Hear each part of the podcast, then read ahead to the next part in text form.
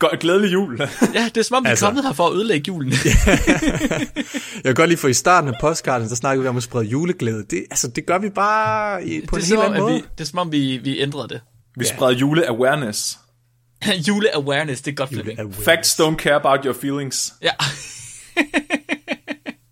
det her skal I være bange for i julen. Okay, er I klar? Sne er ultimativt farligt.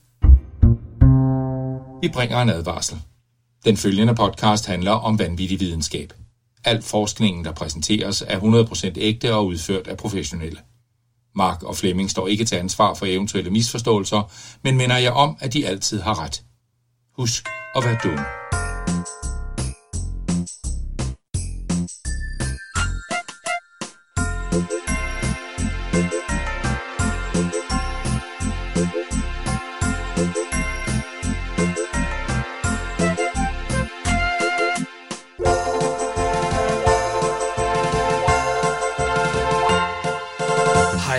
Og velkommen til Spækbrættets juleafsnit. Din bro til vanvittig videnskab. Jeg er jeres 9. ord for sne, Mark Lyng. Og jeg har risengrød skægget, Flemming. Og jeg er jeres rødhårede nisse, Rune. Vores rødhårede nisse. Vi har vores rødhårede nisse med i dag. Ej, velkommen til, Rune. Mange tak, mange tak. Mange, mange gange velkommen til. Ej, jeg er så glad for at være her. Velkommen til alle sammen. I dag er øh, Spækbrættets årlige juleafsnit, og tradition tro, så har vi Rune Øbo med i studiet. Velkommen til, Rune. Uh, mange tak, mange tak. Jeg er glad for at være her. Så Rune, han er vores øh, Spækbrættets juleekspert. Det er simpelthen der, derfor, han er med. Han ved alt om jul. Det er derfor, vi er sammen med. Sådan. Så Yes. Altså højtiden jul, eller, øh, eller det, der sidder på en bil. Vi skal lige være helt sikre på, at det er den rigtige juleekspert, vi har fået med. Åh oh, ja, fuck. Åh, ja. Altså, jeg er ret sikker på, at det er det, der har noget med, noget med træer at gøre, og noget med noget sne og sådan noget der, og nogle gaver. Jeg, jeg satser okay. på, at det er det, der er det rigtige svar her.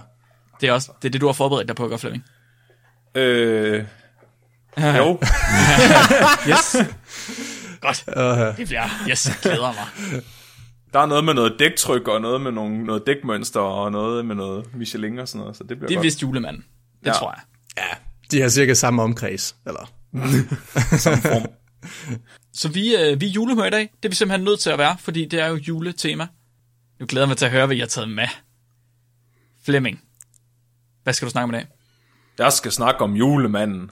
Yay! Jeg vil gerne vide, Herligt. hvad fuck sker der egentlig med julemanden? Ja, Videnskabeligt set. Ja, hvad fuck sker der med julemanden, Mark? Videnskabeligt set. Det er det, jeg skal svare på i dag. Ah, okay. Okay, okay. Altså ikke, hvad der sker med ham lige nu. Nej, bare generelt. Du ved, det er slang, Mark. Det forstår du ikke. Ah, det er slang. Det er det, de unge, de ved. Hvad sker, hvad sker der med julemanden?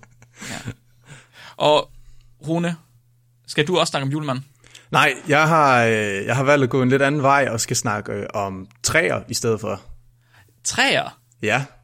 Uh. Juletræer eller bare træer? Ja, det, det, det, det bliver nok mest øh, sådan juletræ-genren. Ah, spændende, ja, spændende, ja. spændende. Ej, I er totalt on point i dag med temaer muligt. Det er jeg virkelig glad for. Jeg skal snakke om uh, Public Enemy Number One. Noget, der er så farligt, at Google Scholar, det giver 640.000 resultater, når man søger på det her ord, efterfulgt af danger. Uh, Okay. Er det spækbrættet? Et, et så grusomt fænomen, at Italien har udviklet et nationalt alarmsystem for at sikre sig mod det. er det pseudovidenskab? Tæt på. Det er sne. Nej. Oh, okay. Jeg skal snakke om sne i dag. Så Tr- Wow. Fuldstændig. Fu- er, vi, er, er vi julestemning? Er vi, har vi det godt? Ja, det har vi bestemt. Det er godt. Er I klar til jul? Jeg har bare siddet og fejret julen i tre uger med mit speciale, så Ej, det er også dejligt. Det lyder ja. også hyggeligt. Alright, Flemming. Kan du ikke starte os ud med at fortælle om julemanden? Først vil jeg gerne starte med at spørge jer om, hvad, når jeg siger julemanden, hvad er det så for en person, der tegner sig for jer? Hvad ved I om julemanden? Jeg ved, at han er en stor mand med et flot øh, hvidt skæg og er en stor mave, øh, bowl full of jelly, så at sige. Og så er han rød på grund af Coca-Cola. Det er rigtigt. En, øh, en tyk, glad mand i rødt tøj med hvidt skæg. Og hvad er det, han, hvad er det, han gør hver eneste år? Han, Han bryder han- ind i folks hus. Ja, Det er rigtigt. Han har et arbejde, der udefra virker til synlædende næsten umuligt.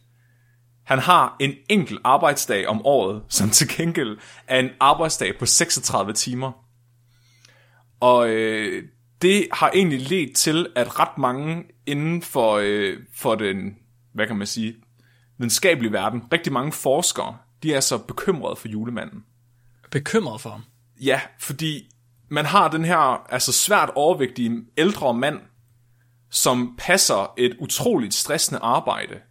Og det betyder, at der er utrolig mange studier, der forsøger at undersøge julemandens potentielle helbred.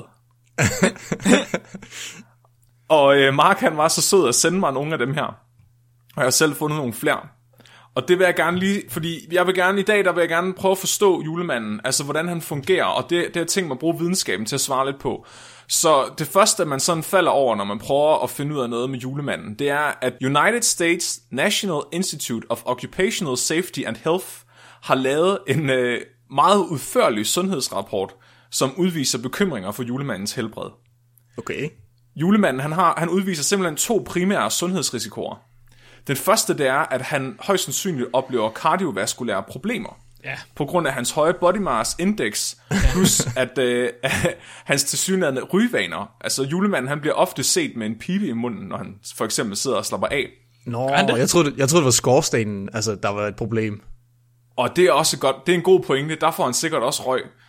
Øh, men i hvert fald så, de her to faktorer, det er også nogen, der er relateret til ret høj arbejdsløshed. Og det har så ledt til et andet videnskabeligt studie, som øh, pointerer, at øh, de fleste andre forskere, de går kun op i hans helbred, men Ja. de går altså også meget op i hans arbejdsforhold. Det synes jeg er nobelt. Ja, Ja, det vil jeg faktisk gerne give dig ret i, Mark. Altså, det er jo, det er jo en måde at, springe, at sprede fantastisk juleglæde. Det er jo ligesom at sikre sig, at julemanden har det godt. Man er nødt til lidt at tænke på det hele. Altså, det kan ikke bare, bare fordi... Hvem siger, at han ikke har lyst til at være tyk? Altså, Ja. måske det er et valg. Måske har han slet ikke alle de problemer, som folk de normalt betegner en tyk person som at have. det er bare fat shaming. Ja, det, er, det kan sgu da sagtens være. Men, men det er også det der med, altså mange, mange af de her studier, de antager jo, at hans arbejdsforhold er dårlige, fordi han har dårligt helbred. Så de siger jo, at, at hans øh, høje BMI og hans rygevaner, det ved man altså fra litteraturen, at det er faktorer, der er relateret til arbejdsløshed. Og det er derfor, de mener, at han er arbejdsløs 364 dage om året. Ah, ja, ja, ja. Okay, Ja. okay, ja. Men det her studie, øh, som jeg skal til at præsentere for jer nu, de tænker så mere, at måske er, er det netop de her arbejdsforhold, der er, altså, som resulterer i de her, øh, altså hans høje BMI og hans rygevaner. Mm-hmm. Så det studie, det hedder The Occupational Health of Santa Claus. Og det er øh, fra Journal of Occupational Medicine and Toxicology fra 2015, så det er en relativt ny artikel. Og de siger, at det er ikke kun julemandens helbred, som er overhængende fare, men det er også hans arbejdsbetingelser. Så man ved ikke rigtigt, hvad julemanden han foretager sig uden for juleaften, men man antager, at han er arbejdsløs. Hvilket. Ja. betyder, at han har det, der bliver kaldet et stærkt sæsonbetonet arbejde. Et stærkt sæsonbetonet arbejde. Ja, Så sæsonbetonet, at det kun er en dag om året. Ja, ja lige præcis. Ja. Altså, og hvorvidt at den her arbejdsløshed er et produkt af hans kardiovaskulære tilstand, eller om det er omvendt, det, det, det er uvist. Men Ja, de det er siger, klart. at eftersom man kun arbejder den her ene dag om året, på tværs af adskillige tidszoner, så øh, kan man antage, at han har en enkelt arbejdsdag på 36 timer om året. ja. Det kan ikke være, det kan ikke være okay, egentlig. Nej, nej. Øh, og de mener Jamen. ikke, altså, det er selvfølgelig ikke fastsat, men de mener, det er meget sandsynligt, at han, øh, at han er afhængig af håndkøbsmedicin for at komme igennem den her arbejdsdag, såsom melatonin, som øh, giver ham et energiboost. Okay, men altså han Ja. kører ikke bare Red Bull selv eller sådan noget? De, de foreslår, at kaffe også kunne være en mulighed. Mm. Ja, okay. Kaffe, Men altså Red Bull kan også hænge sammen med BMI'en. Han kører ikke de- Coca-Cola ind, altså sådan, du ved, den, efter den gamle opskrift, den der, sådan, hvor historierne sagde, der var kokain i. Jo, men det, var, det mener jeg altså også, der var kokain og øh, et eller andet andet. Det kan godt Ja, være, har det, ikke det. været det? Jo, han har bare den originale... øh, Ja, han har den originale opskrift op på Nordpolen. Ja. Men det kunne også godt forklare, øh, hvorfor at han er begyndt at udvise tegn på mentale lidelser. Hvis han drikker en hel masse af det her cola med coke i. Fordi de, øh, i det her studie, der går det lidt i dyb. Altså, man har jo ikke så meget information på julemanden, men en af de ting, man har, det er nogle af de sange, der er om ham. Især sangen, der øh, hedder Julemanden kommer til byen. Giver os øh, noget indsigt i forhold til julemandens mentale tilstand. Fordi mm-hmm. i sangen, der, siger han, der, der synger man, han ser dig, når du sover, han ved, hvor du går hen, hvilket tydeligvis indikerer, at han er omnipotent. Ja. Alligevel, så har han altså brug for at nedfest alle de her ting. Fordi der, altså sangen siger også, han har en bog, hvor i det står, om børnene var flinke i år. Hvorfor er det, at den her omnipotente mand har brug for at, at skrive det her ned i en bog? Han burde jo vide det med det samme jo. Altså, når han går ind i, altså når han kravler ned ad skorstenen, så burde han jo bare kunne se, det her det er kul eller gave. Præcis, altså han, han burde jo bare vide det, det, det fordi det står der jo. Der står jo, at han, Hvad sker der, når Gud bliver dement? ja, men, men de mener så, at det måske i virkeligheden er et produkt af hans øh, dårlige arbejdsforhold, som simpelthen har gjort, at han har fået det, der hedder compulsive checking disorder. Fordi det er noget, der ofte er relateret til stress. Hvilket simpelthen okay. gør, at selvom han godt ved de her ting, så har han, så har han stadigvæk sådan brug for at nedfeste dem. Mm-hmm. Og det vides, og endvidere så ved man heller ikke, om den her bog, den er i henhold til persondatalovgivningen eller standard operating procedures for julemandens arbejde. Så det kan faktisk godt være, at det slet ikke er efter bogen, han gør det her med bogen. Hmm. Og alt det her, det, når jeg læser de her artikler, så kan jeg ikke lade være med at tænke, altså, det lyder jo ikke som noget, et almindeligt menneske ville kunne klare alt det her. Nej. Altså, det, det, at komme rundt til alle børn på en nat, i den fysiske tilstand, som han er i, og det har simpelthen gjort, at jeg har kigget uden for, for naturvidenskaben. Jeg har været nødt til at konsultere øh, historien om julemanden, for ligesom at finde ud af, altså hvad er det, der, der gør, at den her mand, han kan gøre altså fuldstændig overmenneskelige ting. Ja. Ja. Og hvis man, øh, hvis man lige googler julemanden, så finder man ud af, at øh, han kommer fra øh, den her kristne øh, helgen, Sankt Nikolaj. Og Sankt Nikolaj, han er altså født i byen Patara, i Tyrkiet. I Men hvorfor, ja, hvorfor er julemanden så så bleg, hvis han er født i Tyrkiet? Åh oh, nej. Ikke? Så vi ved, at han er bleg. Men så kommer man videre, og så læser man, hvad er Patara egentlig? Patara har været efterladt siden 1340. Fuck. Wow. Han... Men altså, Det betyder, at julemanden han er over 700 år gammel, folkens. Er Okay. julemanden et spøgelse? Så du mener simpelthen, det er ikke et erhverv, der går sådan i generationer, men altså det er den samme, det er stadigvæk den samme mand, er det ikke det, vi er enige om? Folkens, jo. Vi har her, med, altså vi har en unaturlig bleg person, der til synligheden er over 700 år gammel. Et urgammelt menneske. Er julemanden en vampyr? Ah, vampyr! Ja, Selvfølgelig. Og, og nu, jeg, altså efter det gik op for mig, altså jeg ved ikke, hvorfor der ikke er nogen, der har tænkt på det her før, men så begyndte alting bare at give mening. Så for eksempel, hvis der er nogen, der har hørt nogle af de første afsnit af Spækbrættet, så ved I, at jeg elsker øh, dansk øh, folke, folkesavn og sådan noget. Og i dan, ifølge dansk folketro, så i gamle dage, for at holde vampyrer væk, så spredte man altså ris på sit dørtrin. Fordi det gjorde, at vampyrerne ikke kunne lade være med at tælle dem. Fordi vampyrer havde compulsive checking disorder. Nej! Tror I, tror I, den her tradition med at sprede ris er blevet glemt, og i stedet for blevet til, at vi sætter risengrød frem? Ja, ja, ja, ja, ja. Selvfølgelig. Ej, hvis man kunne se bagsiden af mit tæppe, det ville være eksploderet af min hjerne. wow. Men det stopper ikke her. Hvad, hvorfor er det, at julemanden kun kommer om natten, mens vi sover? Det er, fordi han ikke kan tåle sollys, folkens. Oh, what? Selvfølgelig. Hvorfor er det, at han kravler ind igennem skorstenen?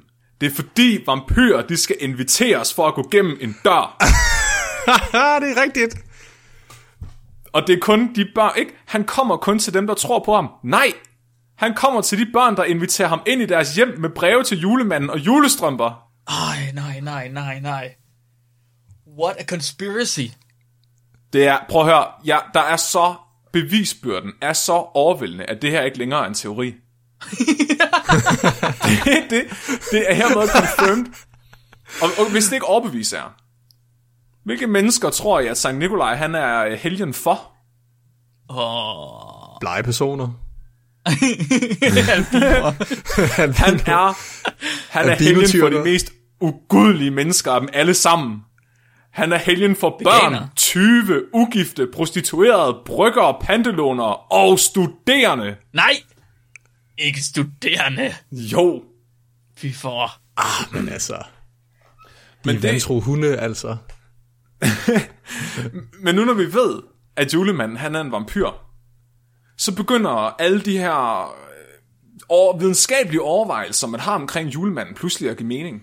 Altså fordi, en af de ting, man altså, som skeptikere tit bruger imod julemanden, det er, at det kan ikke lade sig gøre, at han kommer rundt til alle husene. Mm-hmm. Ikke? Man skal tydeligvis være overmenneskelig, hvis man skulle komme rundt til altså, så mange husstande på 36 timer. Men han er jo tydeligvis overmenneskelig, hvis han skal kunne komme rundt til så mange husstande på 36 timer. Aha. Ikke? Og, og, men ja, det er han jo. Han er vampyr. Rune ja. snakkede om det sidste år. Hvis man antager, at der er 330 meter mellem hver husstand, så har han 150 mikrosekunder per hus, hvis han skal nå det bliver 36 timer. Ja. Det betyder, at julemanden han rejser med 2.200 km i sekundet. Det er Hvilket jo er en 6.000 gange ly- lydens hastighed. kan det lade sig gøre for en vampyr, folkens? At rejse mm. så hurtigt? Jeg har undersøgt det nærmere. Nej, selvfølgelig har du det. Jeg har været inde på Twilights subreddit. Ej, man. Hvilket er det mest sandsynlige sted at finde ægte data jo. Den mest kritiske kilde. Jeg har lavet investigative journalism, og jeg har fundet ud af, at der er Twilight-fans, der har undersøgt, hvor hurtigt vampyrer bevæger sig. Baseret på, hvor hurtigt Edward han bevæger sig over skærmen, har de udregnet, baseret på de pixels, han tilbagelægger på antal tid, at han bevæger sig med 160 km i timen, folkens. Men, det det, er er jo stadig- ikke meget. Men, men altså, det kan jeg jo også løbe, så...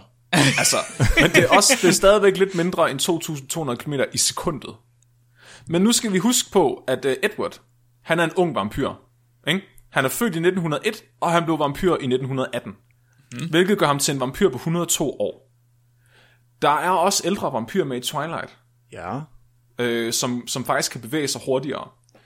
Så øh, der er for eksempel The, Rom- the Romanian øh, Coven, også, øh, også kendt som øh, Dacia Coven, som øh, de vampyrer, der er medlem af den her øh, Coven, de er altså over 2.000 år gamle. De blev så for nylig overkastet af Volturi-vampyrerne, som er endnu ældre. Undskyld, sagde du for nyligt overkastet?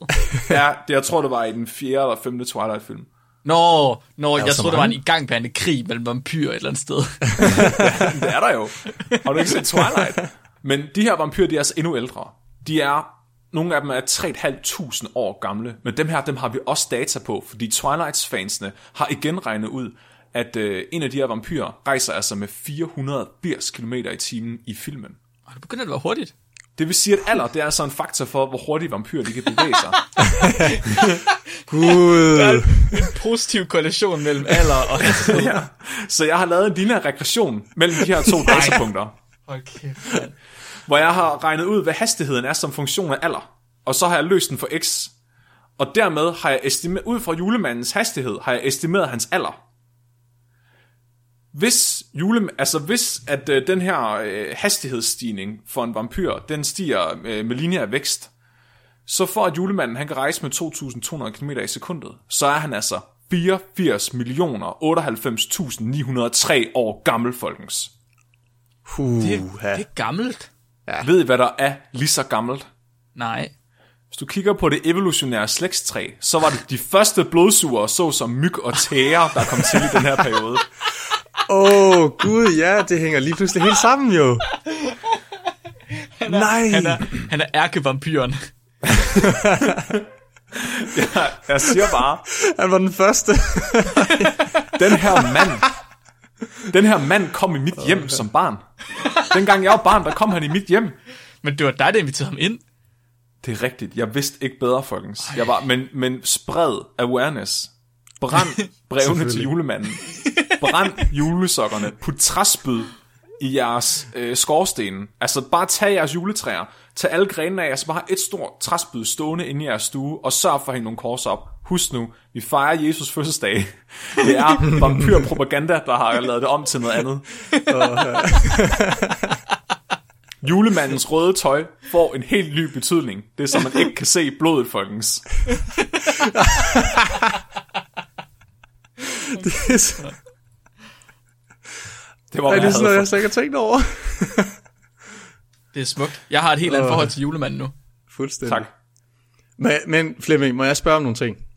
Ja, bare det. Okay. Ja, kom med det. Har du krydstjekket, at når, lad os nu sige det er den 24. december, at julemanden han øh, sætter sig op i kanen og flyver ud, er det i de måneder op på Nordpolen, hvor der er konstant er lys? Uh. Fordi hvordan kommer han så ud lige pludselig, hvis han ikke kan tåle at være i sollyset? Han, han, uh. Måske det er derfor, han har så meget tøj på. At han dækker så meget til. Ja, Det er for at undgå at blive ramt af solens stråler. Kan jeg lige finde en oversigt over... Øh... Okay, så på den her tid af året på Nordpolen, der stiger solen op klokken 10.51, og så går den ned 14.39, så der er kun 4 timer sol om dagen. Nå, okay. Så det er faktisk det perfekte tidspunkt i stedet Ja. for. Ja, det er faktisk rigtigt.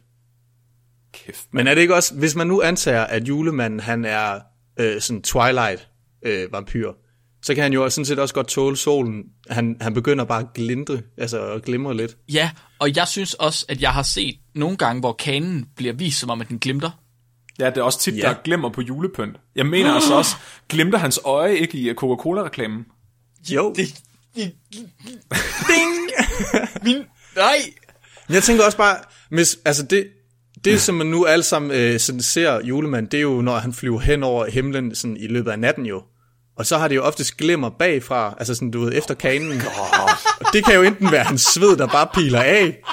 Og, hvis, og grunden til, at man ikke har sådan et klart billede af julemanden, eller kan fotografere ham, det er vel fordi, at han, altså, han reflekterer lyset, fordi han bare pling tilbage. Åh, oh, kan vide, hvad refraktionsindekset er på en julemand. Oh, Ja, God, nej, der er så mange ting, der er interessante her. Jeg vil virkelig gerne se den næste Twilight-film med sådan The OG Vampire. Eller en Blade, en Blade-film, hvor Blade, En han skal Blade dræbe ja. julemanden.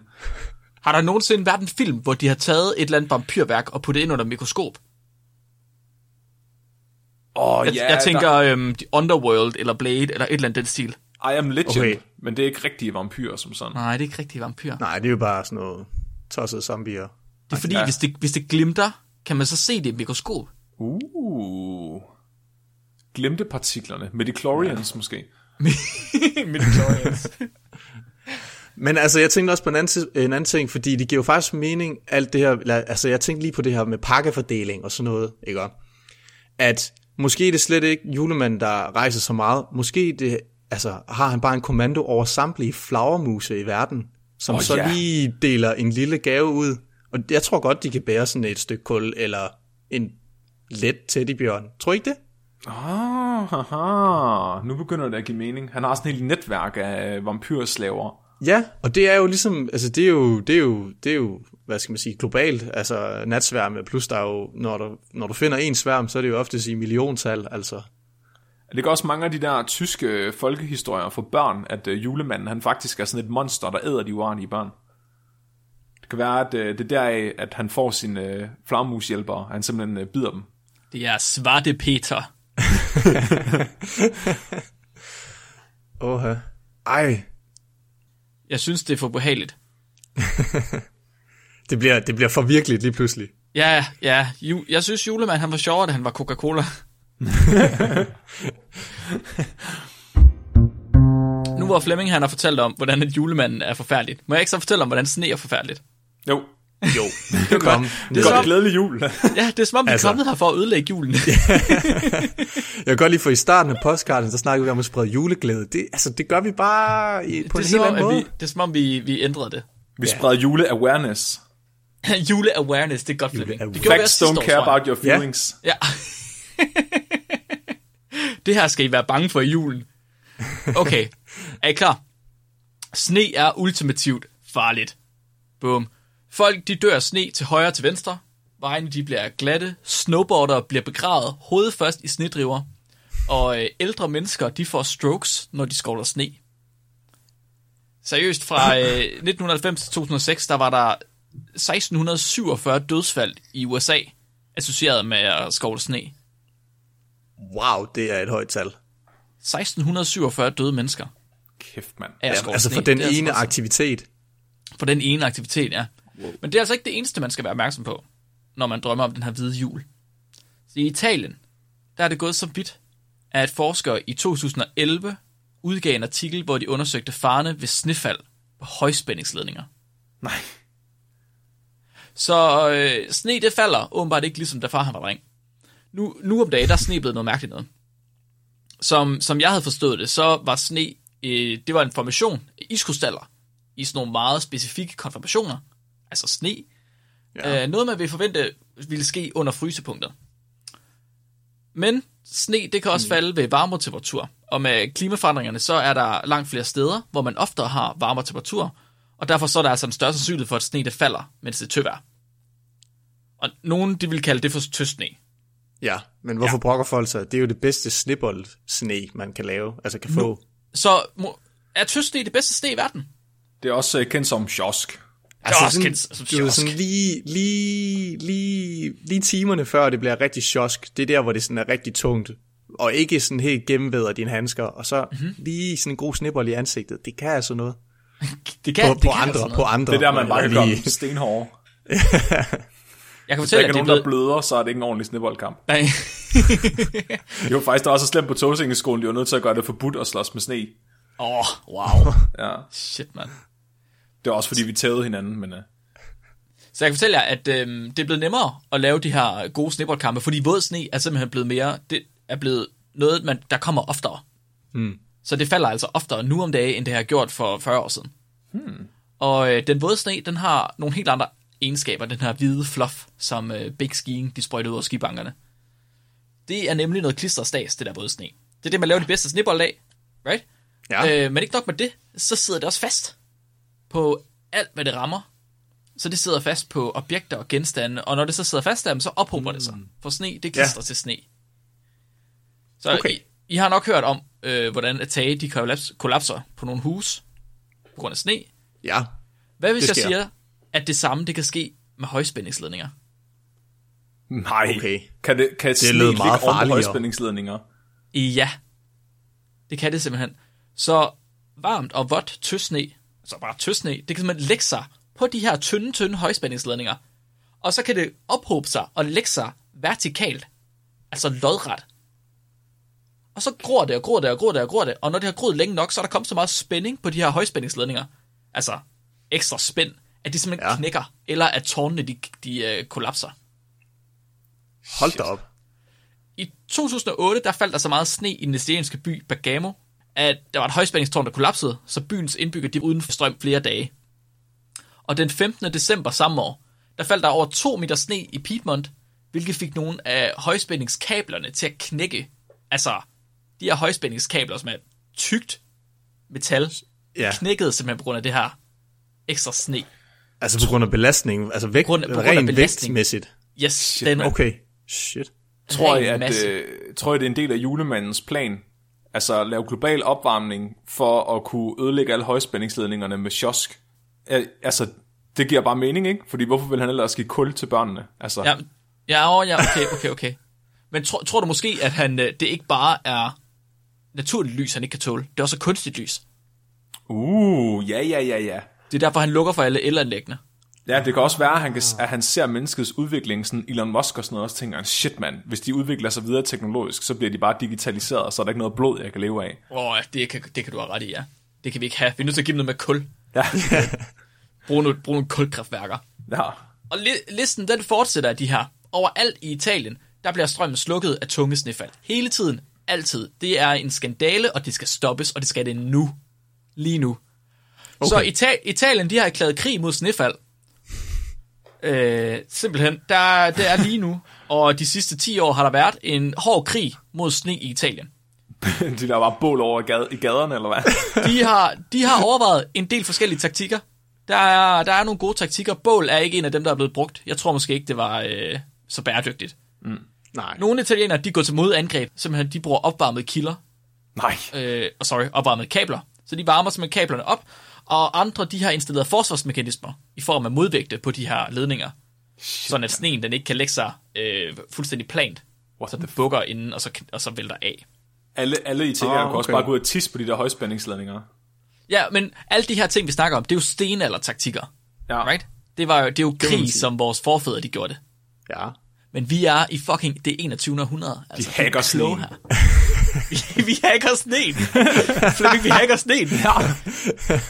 Jeg, Det ud- jeg skulle til at foreslå, Så, jeg skulle til at foreslå, at man kunne bare bruge alt det kul, som julemanden gav. Så, Men så Italien, de har været smarte, de er gået ud, og så har de set, okay, det der med at, at prøve at få sneen fjernet, når den er kommet, det hjælper sgu da ikke. Vi er nødt til at gøre, som USA og Sovjetunionen, de har gjort i århundreder. Det handler om efterretning.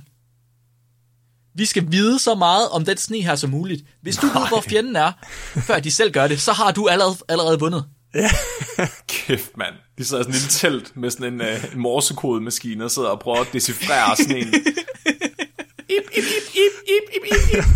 jeg forestiller mig, at de har forskellige sådan kæmpe store båler, ja, ligesom uh, The Beacon Tablet. Gondor calls for aid. Mein Führer, mein Führer, vi har intel om sneen. Der er sne i Rom! Sig det videre! Den har lige invaderet Polen. Så dagens studie, de har simpelthen udviklet et spionprogram for at kunne udspionere italiensk sne. Nej. Det hedder Wet Snows Overload Alert and Forecast. Nej. Eller WOLF. ja. De hacker Prøv sneen. lige at gentage det igen. Wet Snows Overload Alert and Forecast. Det er Eller- alarm. Wolf. Det er sjoskalarmen. Det, den hedder Wolf Ulven. Det er ret sindssygt. Det er fedt. Ulven, den har to mål. Den skal real-time kunne advare elingeniør på, om snip, snipbaseret luftangreb. De skal vide, hvis der kommer et angreb lige med det samme. Ja, så det er en form for øhm, sirene. Men samtidig, så skal det være et værktøj til meteorologer og ingeniører og andre interesserede, sådan at de kan studere tidligere kampe for at lære at forstå sneens taktikker. Nej. Hvor er det fucked up. Wolf er et eksempel på machine learning tilbage i år 2010. Så det vil sige, at de her italienske forskere i den artikel, de har lavet en model, og så kan de kalde den for Wolf. Og øh, den her model her, det er ikke en model som i en 3D-model, det er en matematisk model i stedet for. Ja. Så det er, øh, en, det er et, noget matematik, man bruger til at beskrive verden, simpelthen. Ud fra, øh, så hvis man nu har, hvis man nu gerne vil beskrive noget, ud fra en masse anden tilfældig information, man har, så laver man en model. For eksempel, så er det rart at kunne sige, om patienter de har cancer, baseret på deres helbred. Hmm. Det er rimelig rart. Ja. Og det kan man faktisk bygge en model på. Så man kan måle en masse forskellige værdier, blodtryk, hjerneindhold, skostørrelse, og så kan man skrive ned, om patienterne de har øh, cancer eller ej. Så kan man undersøge, om nogle af de her ting, de målte, de kan forudsige, om en patient får cancer. Og det er en matematisk model, simpelthen. Mm-hmm. Men vi mennesker, vi er generelt ret dårlige til at lave modeller ud fra vores egne øjne. Der findes nogle supermatematikere derude, der kan nogle ting, nogle tricks. Men generelt så er vi ret dårlige til det. Så i stedet for, så bruger vi computere.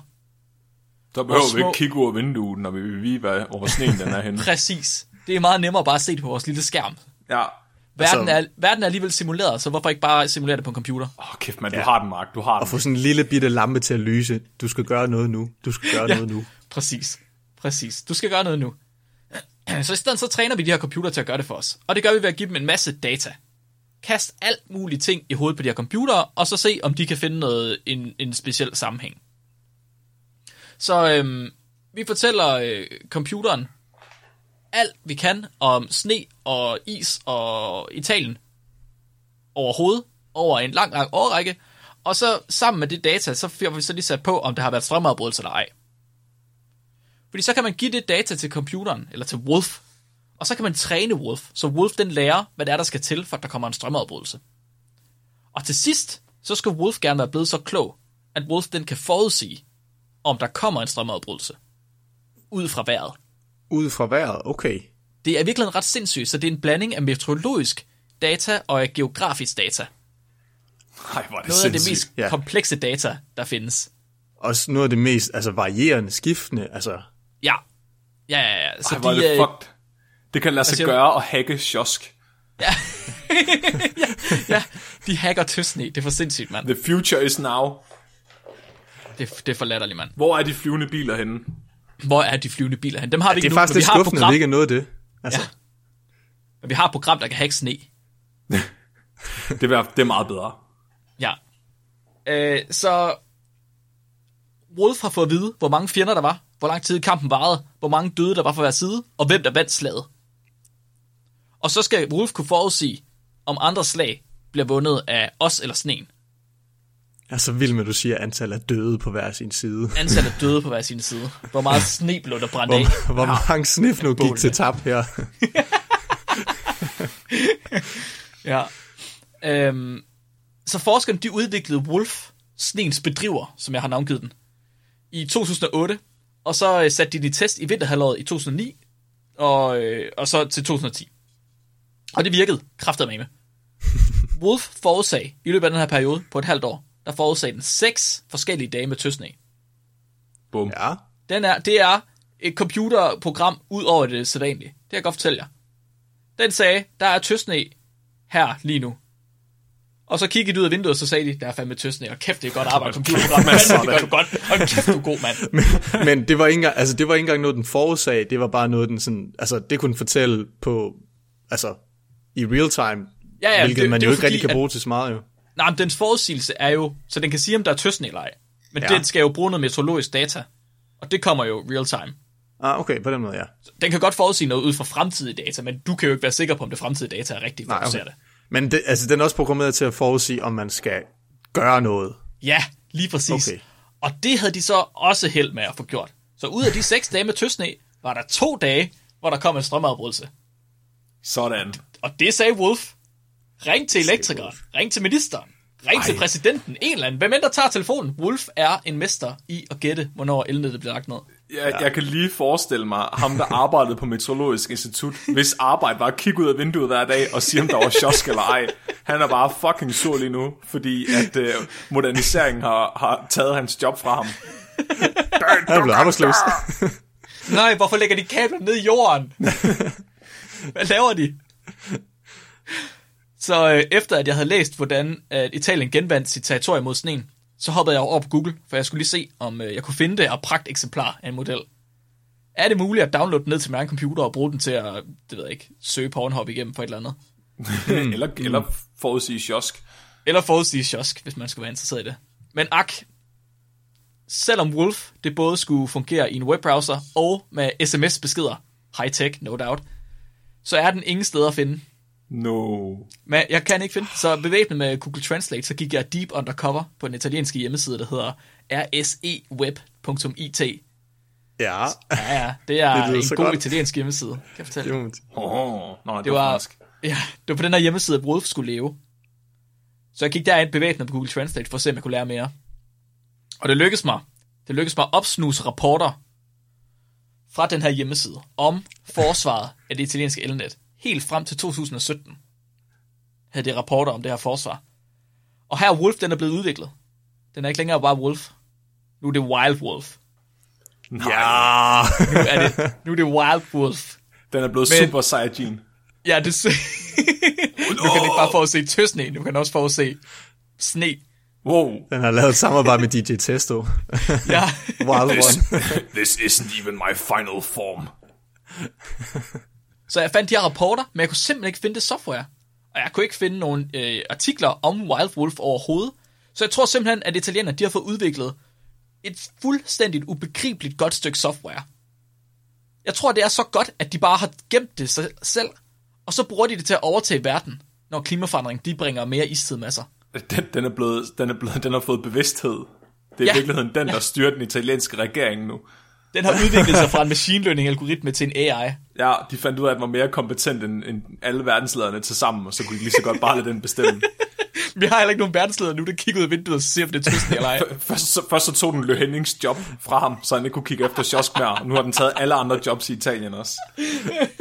Jeg kan ikke andet. Jeg har kigget efter Sjosk hele mit liv, og min far før mig. Hvad skal jeg gøre? Jeg, øh, jeg sad og googlede mig frem til, hvad, hvad jeg egentlig skulle snakke om i dag, og jeg var meget, meget tæt på at give op. Øh, men så kom jeg i tanke om øh, en dejlig herre, som egentlig snakker i jeres disclaimer, tror jeg det bliver kaldt. Christian Eiving. Ah. Øh, og han, øh, hans kursus har jeg engang deltaget i, øh, mundtlig formidling på SDU. Ja. Og der sagde han, at jeg havde en særlig gave for at skrive. Huh. Så derfor har jeg skrevet et lille julehistorie med spækbrættet, og ah. så skal I to deltage i det. Ej, hvor godt. Og for at det skal være helt irrelevant, så er der selvfølgelig også et sikkerhedskursus øh, inkluderet i det her øh, julehistorie. Det er godt. Så Yes. man lærer simpelthen at være sikker med det her kursus. Ja, omkring julen, til juleaften, altså juleaften. Ah, det kan jeg godt lide. Cool. Smart. Øh, til lytterne, så har jeg sendt en, øh, en historie ud til Mark og Flemming. Øh, jeg har bedt dem om ikke at scrolle længere ned, for at de ikke skal sidde og læse det. Øh, så det her skulle gerne være første gang, de ser den historie, som nu bliver præsenteret for dem. Jeg Er læser aldrig det? noget før afsnittet. Er, Nå, okay. er, det mig, der, er det mig, der spiller Flemming? Øh, ja, øh, og du har farven grøn, og skal læse for Flemmo. Okay, fordi, ja, fordi normalt så er jeg sådan en method actor. Øh, ja. og det er egentlig meget godt, fordi jeg har været i karakteren Flemming det meste af afsnittet allerede, så jeg er ligesom in, in the loop. Nå, Ja. Flemming, karakteren er Flemmo. Flemmo, men ikke L Flemmo, så du, det, der er ikke noget spansk. Jeg skal ikke høre nogen spansk accent her lige pludselig. Sig. Okay. og Mark han har rollen af Marco. Marco, Marco lyder som en, en høj, flot, mørk tyrefægter. Jeg synes, det lyder som en lakrids. Nej, en høj, flot, mørk tyrefægter, klædt i rødt, Mm. Ja. med guldblonder på tøjet. Ah, men det kan ikke blive bedre beskrevet. Det er også sådan, jeg husker dig, Mark. Jeg synes, det er lidt længe siden, jeg har set dig, men ja. Det, det er klart sådan, mit billede af dig, det er nu. Jeg mindes også, det er sådan, jeg ser ud. Ja.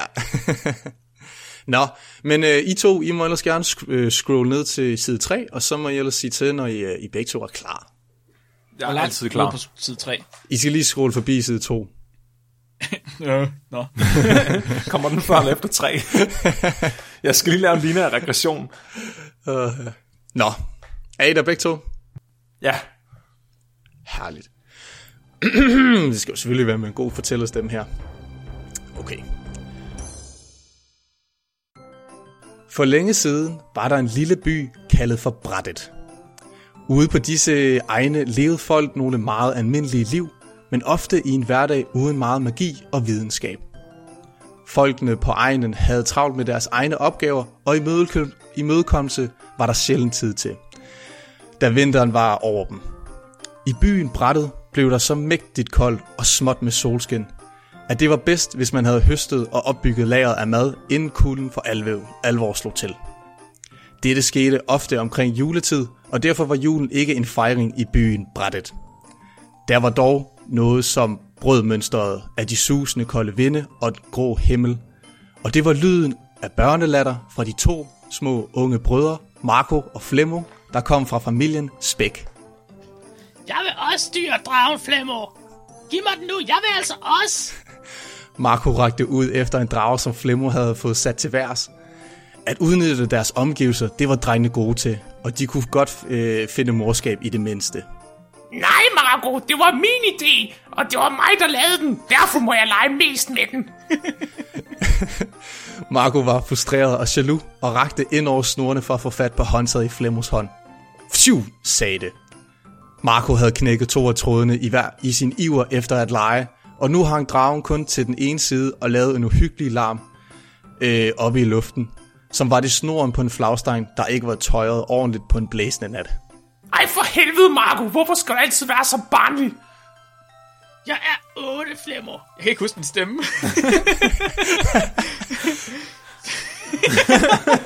nu laver jeg bare en ny. Selvfølgelig er jeg barnlig. Det passer lige til alderen og 8, jo. Nå, kom nu børn. Lillemor venter derhjemme, og jeg har ikke tid til jeres pjat. Det er juleaften i morgen, og træerne bærer jo ikke sig selv, sagde deres far Ronio, som var gammel skovhugger. Marco og Flemmo hjalp med at bære et juletræ hjem hver, men deres far, den store, øh, stærke, flotte Ronio, bar, et par, bar 10 stykker, en vægt kun 1760 høns ville kunne bære. Deres hus lå ude på fjorden og væk fra byens larm. Da de kom hjem, satte de træerne i hver deres fod, så de undgik at samle for meget fugt i tilfælde af regn. Men ude i horisonten lagde Marco mærke til et skib. Det var en større model, men det kan være svært at bedømme. 12 cm var jo for eksempel en varieret størrelse, alt efter han spurgte sin far Ronio eller sin mor. Badumtsch. det er altså helt gennemsnitligt med 12 cm. Eller 6.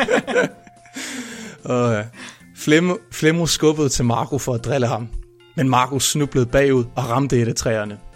Træet væltede, og uheldigvis trillede det ned af fjorden og ned til vandkanten. Ronio kiggede på dem begge og antydede, det henter I i morgen. Hvorfor skal du altid være sådan en røvhul, Mark? Undskyld. Men Flemmo, det var jo dig, der skubbede ham. Nå, Hvorfor skal du altså være så røvhul? hvorfor skal du stå i vejen, når jeg skubber? Ja, typisk. De gik indenfor, aftenen gik, og mørket trådte til udenfor. Nikorio havde lavet dejlig varm mad, og de to drenge og Ronio spiste til de var propmætte.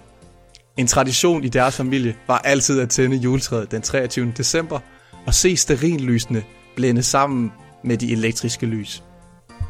Nikorio havde tændt et lille lys fra kaminens ild og skulle til at tænde det første sterinlys, men blev straks stoppet af Marco. Nej, Nikorio. Det må du ikke. Vi bliver nødt til at vente en halv time efter maden, før vi tænder lysene. Ellers så oplever vi postprandial somnolens.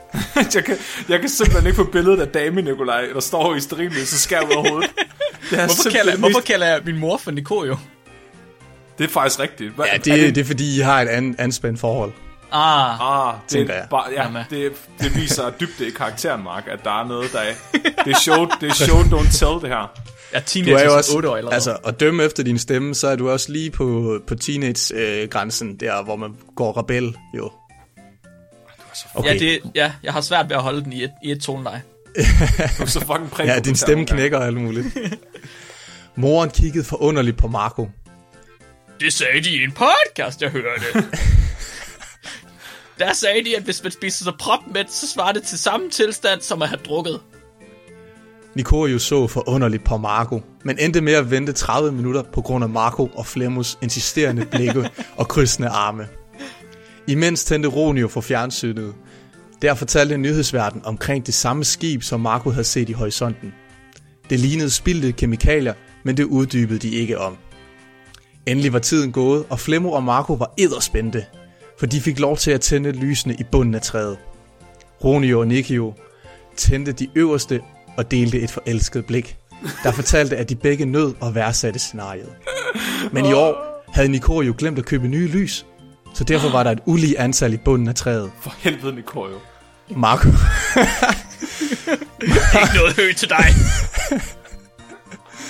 Marco og Flemming, Flemmo, som konkurrerede omkring mange ting, gjorde også lysene til en konkurrence, og de spænede omkring træet for at bevise, hvem der var hurtigst.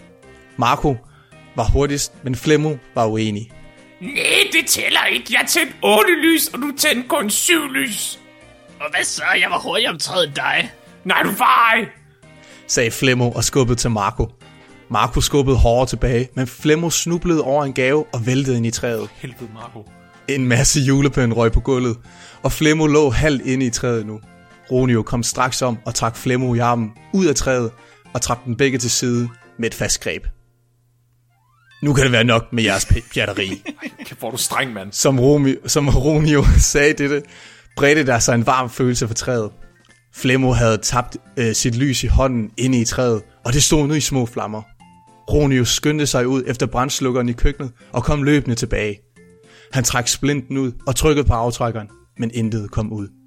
Udløbsdatoen var for langt overskrevet. Flammerne tog til i de tørre grene og papirsulepyntet, og det gik stærkt. Ronio kiggede forvirret rundt. Herfar, du skal bare ryste den her danskmand, og så bruge den, der er kulstof i. Ronio tænkte ikke, men rystede danskvanden, danskvanden, og det virkede overraskende godt. Flemmo og Marco bragte flere til Ronio, og ilden blev til sidst slukket. Tilbage stod nu et tyndt, sort og svitset juletræ. Der var ikke meget julepynt tilbage, men elkæderne lyste stadig. Puff, sagde det, og lyset i hele huset gik ud. Det var danskvand, der havde kortsluttet elkæderne, hvis fatninger var blevet eksponeret af ilden. Åh oh, ja, okay. kan ikke ret i alting. De blev begge sendt i seng i det mørke hus. Julemorgen og stemningen havde ikke ændret sig. Ronio var sur, og Nikorio tavs. Marco og Flemmo gik udenfor for at komme lidt væk, og de kiggede ud over fjorden med bøjede hoveder. Skibet i horisonten var nu bragt væk, men der var en stor, et stort spor af grønt på overfladen af vandet, helt ind til fjorden. Juletræet, de havde væltet i går, var landet helt nede ved vandet og lå svøbt i det grønne spor fra skibet. Det gik indenfor igen. Timerne gik. Det blev aften. De fik julemad. Men det var en trykket stemning. Ronio havde fået fikset strømmen, men de havde intet juletræ at kigge på til juleaften. De sad stille i stuen. Marco og Flemmo kunne ikke holde det ud, og de nikkede til hinanden, til at de skulle gå udenfor. Derude stod nu på fjordens kant igen og kiggede ud, men til deres forundre var det ikke tusmørke, de oplevede, men et lysende blåt hav. Bølgerne havde nye farver og var magiske at se på. De kiggede begge ned og så nu juletræet. Det var selvlysende. De løb ind og trak en modvillig Ronio ud til kanten. De parrede. Se vores Gud, se dernede. Åh, store, stærke Ronio, vil du ikke bære træet op? Ronio var forundret og gik ned ad de glatte trin og hentede træet. Det blev båret op i stuen og så, og så lidt halvklamt ud indendørs. Ved et uheld lænede Nikorio sig op af kontakten, og lyset blev slukket. Den mørke stue blev nu ly- oplyst af et magisk juletræ, som selv kunne øh, lyse.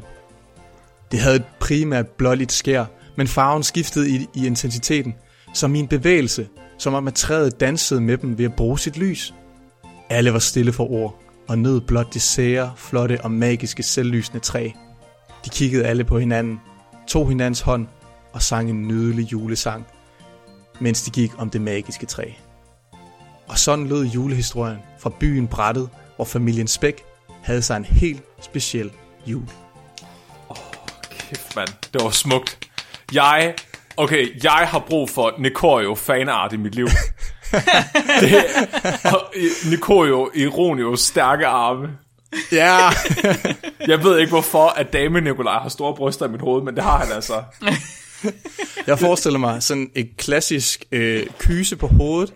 Det, er hans lange mørke hår i en sådan flætning om bagved.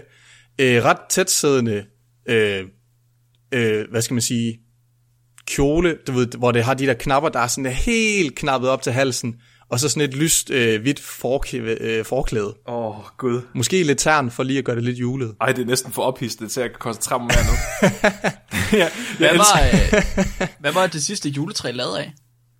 Det sidste juletræ, det Hvorfor kommer vi til. det jeg, jeg elsker også, hvor Er praktisk... der mere? Det er der nemlig. Jeg elsker også, hvor praktisk anlagt vores lyttere er sådan... Hvis man, hvis man har en pulverslukker, der er gået på datoen, siger plastarkitekt, så skal man ryste den bank ned i jorden et par gange, og så løsner man pulveret, inden man trækker håndtaget. Ej, det er så godt. Det er fandme det godt, at det er godt, vi kan blive fact-checket her imens.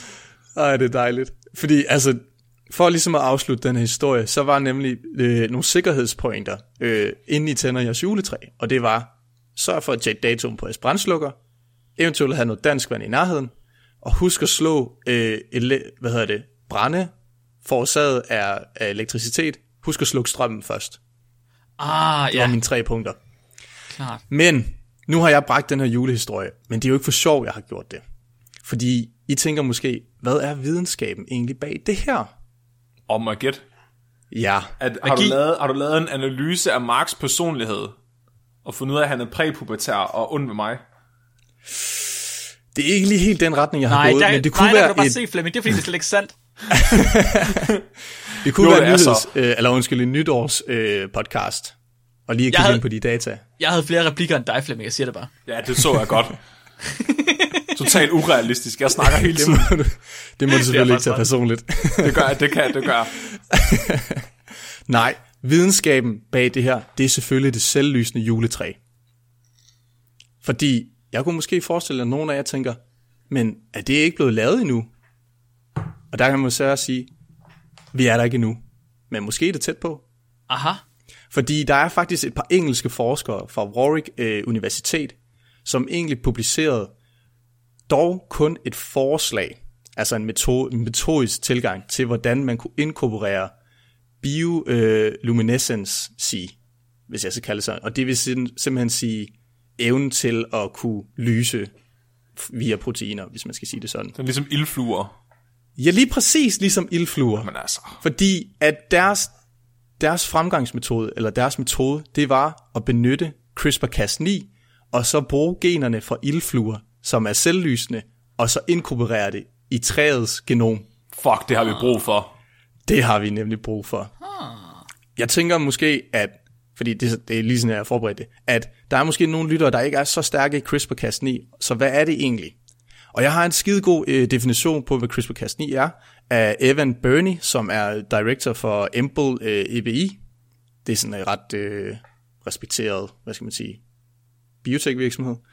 Og han siger, øh, CRISPR-Cas, øh, og det gør han faktisk mega passende i sådan en julekalenders video, som øh, øh, EBI har lagt op øh, sidste år, at CRISPR-Cas9, det er kombination af et protein og et RNA, hvor det normalt øh, findes i bakterier og fungerer som deres immunforsvar. RNA-sekvensen kan man ændre, og så vil det kunne gå ind overalt i et hvert genom, og så lave et specifikt edit-modificering. Så, Nej, jeg sagde ikke lige. så man tager, man tager en bakteries immunforsvar og bruger det til at, at splice ildfluer med juletræer. Lige præcis. Så jeg så faktisk en dokumentar i går aftes på Netflix, hvor der var ildfluer med. Og en af, en af Ja. de ting, de sagde, det var, at noget af det der biolumine, bioluminens, som at, Ja. ja. de har, det er faktisk toksisk. Så det er en win-win. Hvis du nu har en, en skide irriterende kat, der hele tiden vælter dit juletræ eller bider i det, så dør det af at spise grænden. Er, det- er, er det rigtigt? Hvorfor gør vi ikke Ej, det med det alt? vil være fantastisk. Hvorfor er alt ikke selvlysende så? Ja, det kan man så komme til. giftigt. det modsatte være babysikkert.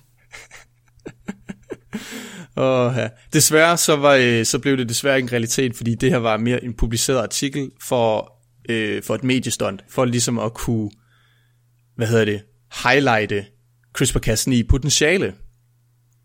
Desværre. Mm. Men, så er der måske nogen af jer, der tænker, men er der så ikke andre, der har arbejdet med det? Og jo, det er der faktisk. Der er en øh, virksomhed, der hedder Taxa Biotech, Biotechnologies, og de startede en, kicks, øh, de startede en øh, kamp, øh, kampagne ind på Kickstarter. Øh, og det er sådan en øh, form for hjemmeside, hvor de ligesom søger crowdfunding. Øh, og det er ja, en hjemmeside til det. Og de, deres produkt, det var, at de skulle lave bioluminiserende øh, potplanter, som man kunne have stående på sit for eksempel køkkenbord eller i stuen. Og så når det blev mørkt, så skulle det selv lyse. Oh, what? Og man tænker, det er der måske et lille, snævert marked af, men til gengæld folk gik amok. I 2013, der fik de en halv million dollars samlet sammen i bare crowdfunding. Fuck, det er sjovt, ikke? Og så i Danmark, der må vi ikke engang importere sådan GMO-mad nærmest. Altså, Lige præcis.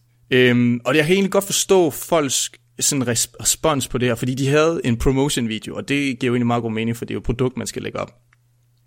Og den promotion video har jeg så taget et kig på, og den er faktisk meget, øh, meget fængende. Nu råder jeg lige med noget papir. Øh, fordi de bruger for eksempel ordene øh, off-shell methods to create real glowing plants. Øh, og de er, den er sådan blevet meget ned til jorden ved, at de nævner cool genes fra bakterier og ildfluer. Oh, ja. Og så vil de genome compile dem for at rejigge generne, så planten kan kode, kan derved kode generne, altså det vil sige aflæse dem.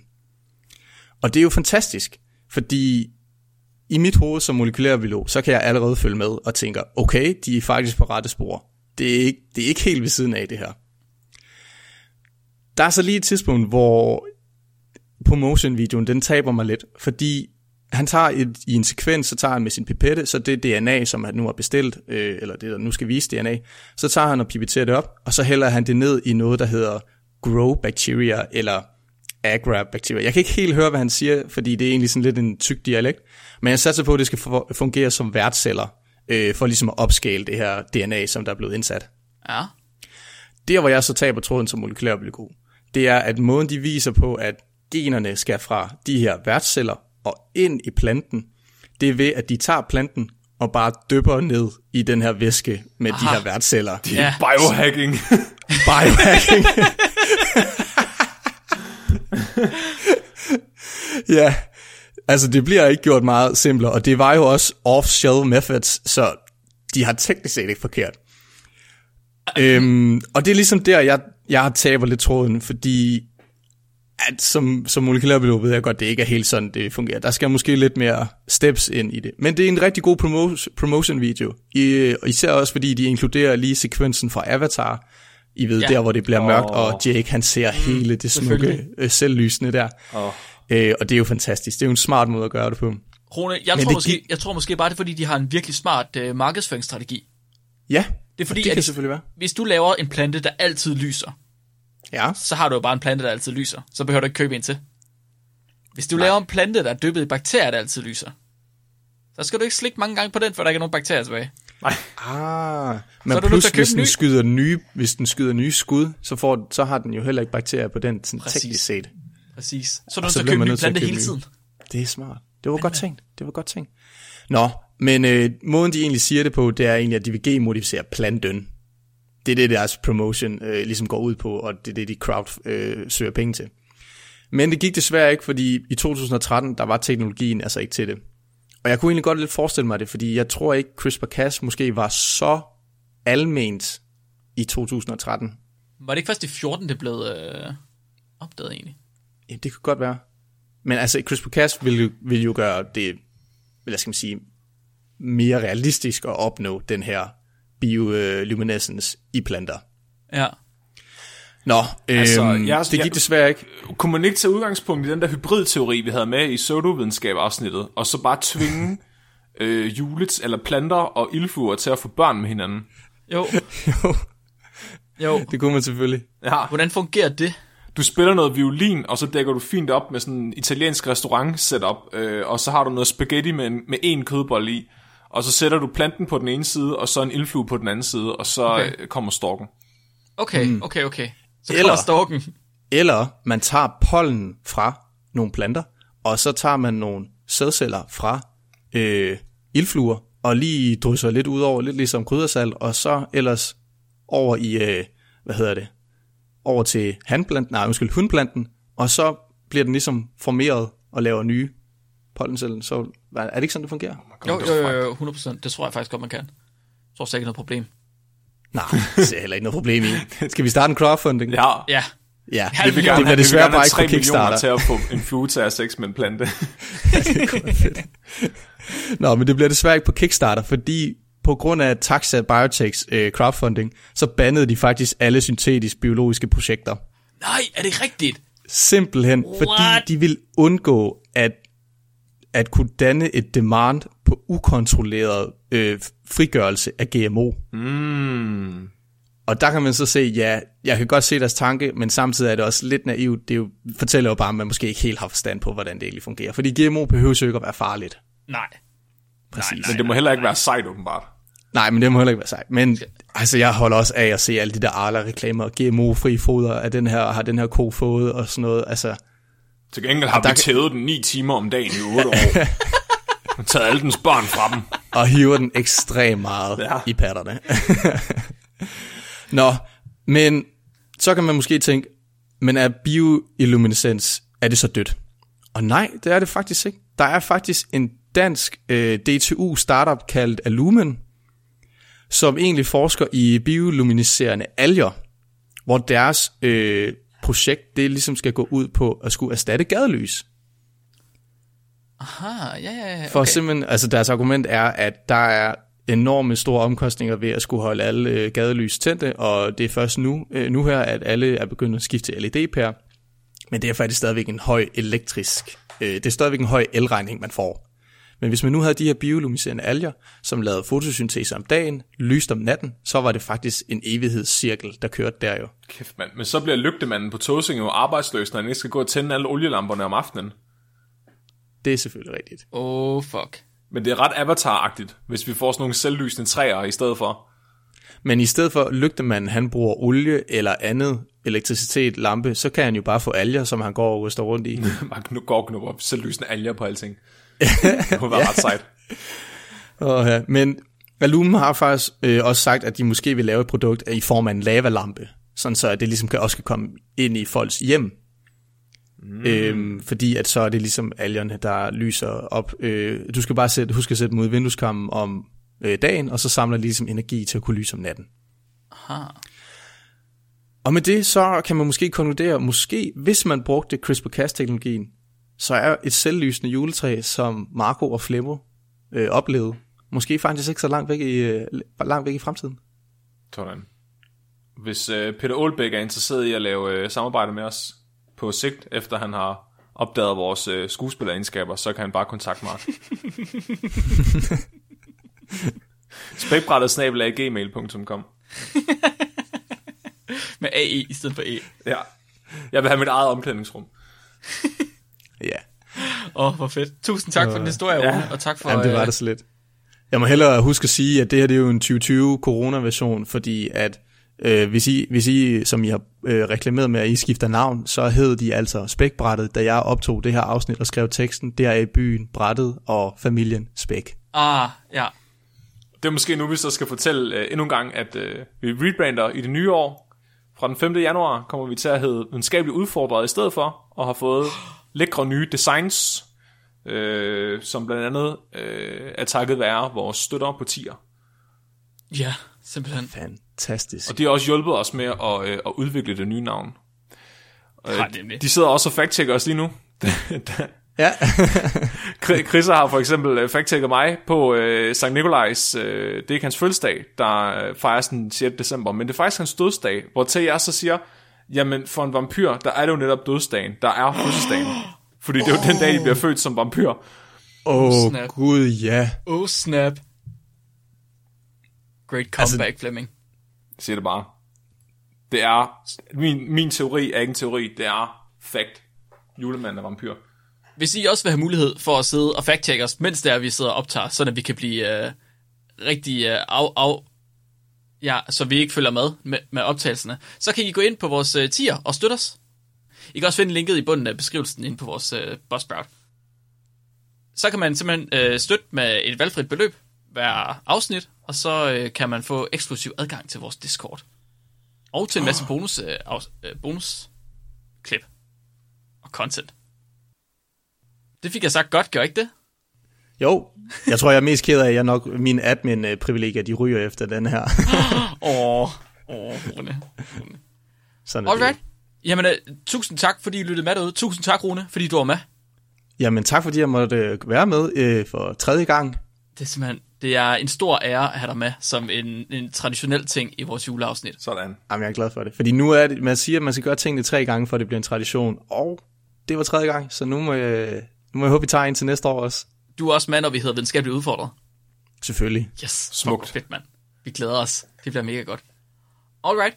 Øhm, Rune, vil du være med til at score vores sidste afsnit? Har du hørt vores sidste afsnit? Jeg har hørt det, mens jeg lukkede rør på arbejdet, så jeg tror måske ikke, jeg har fået det sidste med. Okay, det, er det om pseudovidenskab? Ja, Okay, det er fordi, vi scorer jo alle vores afsnit på spekometer.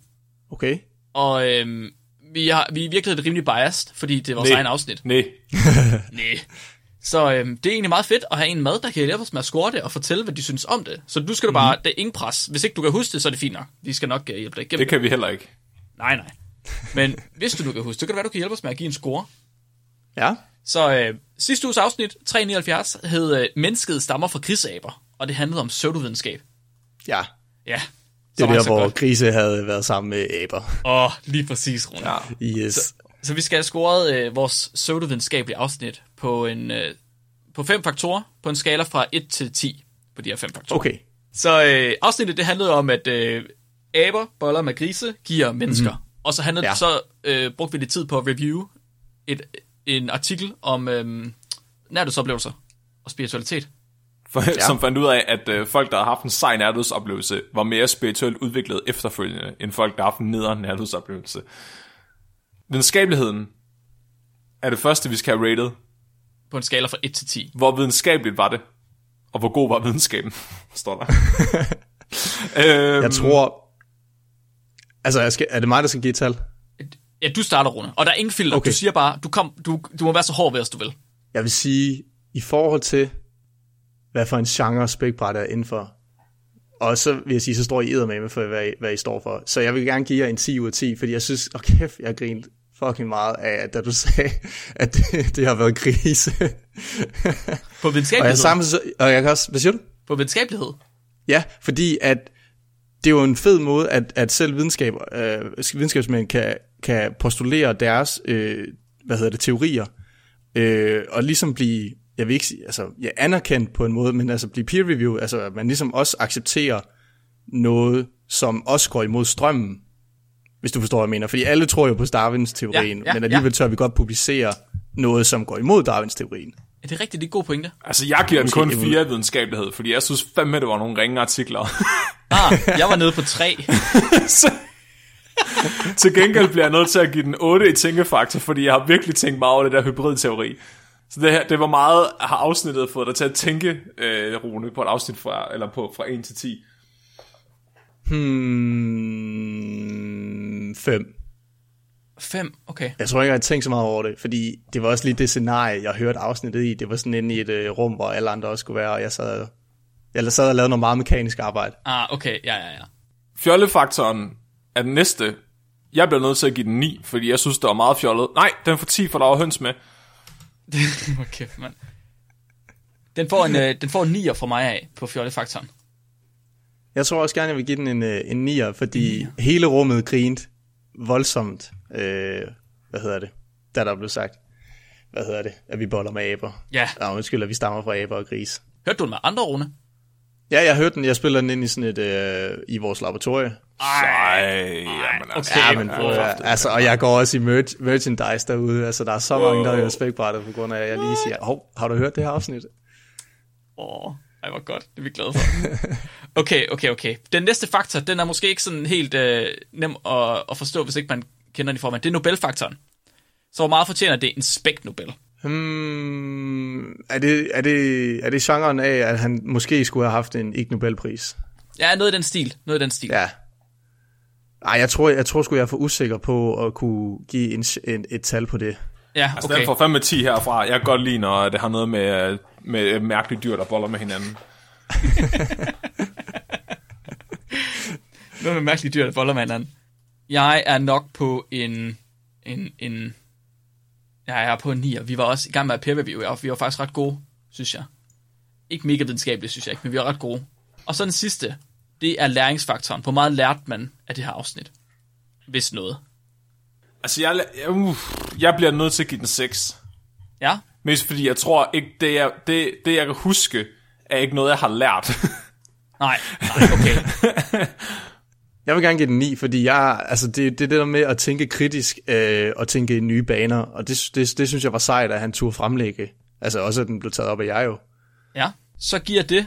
Nu tager jeg runde score, og så øh, er jeg ligeglad med vores Anders, fordi så er det ikke biased overhovedet. Så giver det en score på 76 til afsnit 379. Sådan. Sundhedsvidenskab. Uh. 76, bum. Så det er... Hvor kommer det til at ligge, han så? Øh, 76, den ligger... Så vi har afsnit øh, 344 om de-extinction. Den fik 72, og Bigfoot-afsnittet fik 79. Så den ligger lige Ej, derimellem. det var så godt. Ja, Den ligger sammen, den ligger sammen med vores klimaafsnit. sådan. Med ham, der øh, nice. trak is, hvad hedder det, isbjerg hen over vandet. For at køle Saudi-Arabien ned. Mega fedt. Godt. Tusind tak, fordi du var med til at score vores afsnit, Rune. Selvom det var Jamen, sådan lige på falderæbet. Næste uges afsnit, det bliver vores nytårsspecial. Sprutter og eksplosioner. Det bliver fedt. Det bliver en fest. Og så tror jeg, at vi er kommet til øh, dagens dyrefakt, er vi ikke det? Bring it, bitch. Britney. Alright. Dagens dyrefakt er sendt ind af Tilde Hedevang, og Tilde hun skriver, krokodiller er tættere beslægtet med høns, end de er med krybdyr. oh my... Oh, Nej. Jeg skal have en krokodille. Mit navn er Mark, Mit navn er Flemming. Og mit navn, det var Rune. og du har lyttet til Spækbrættet. Husk at være dum.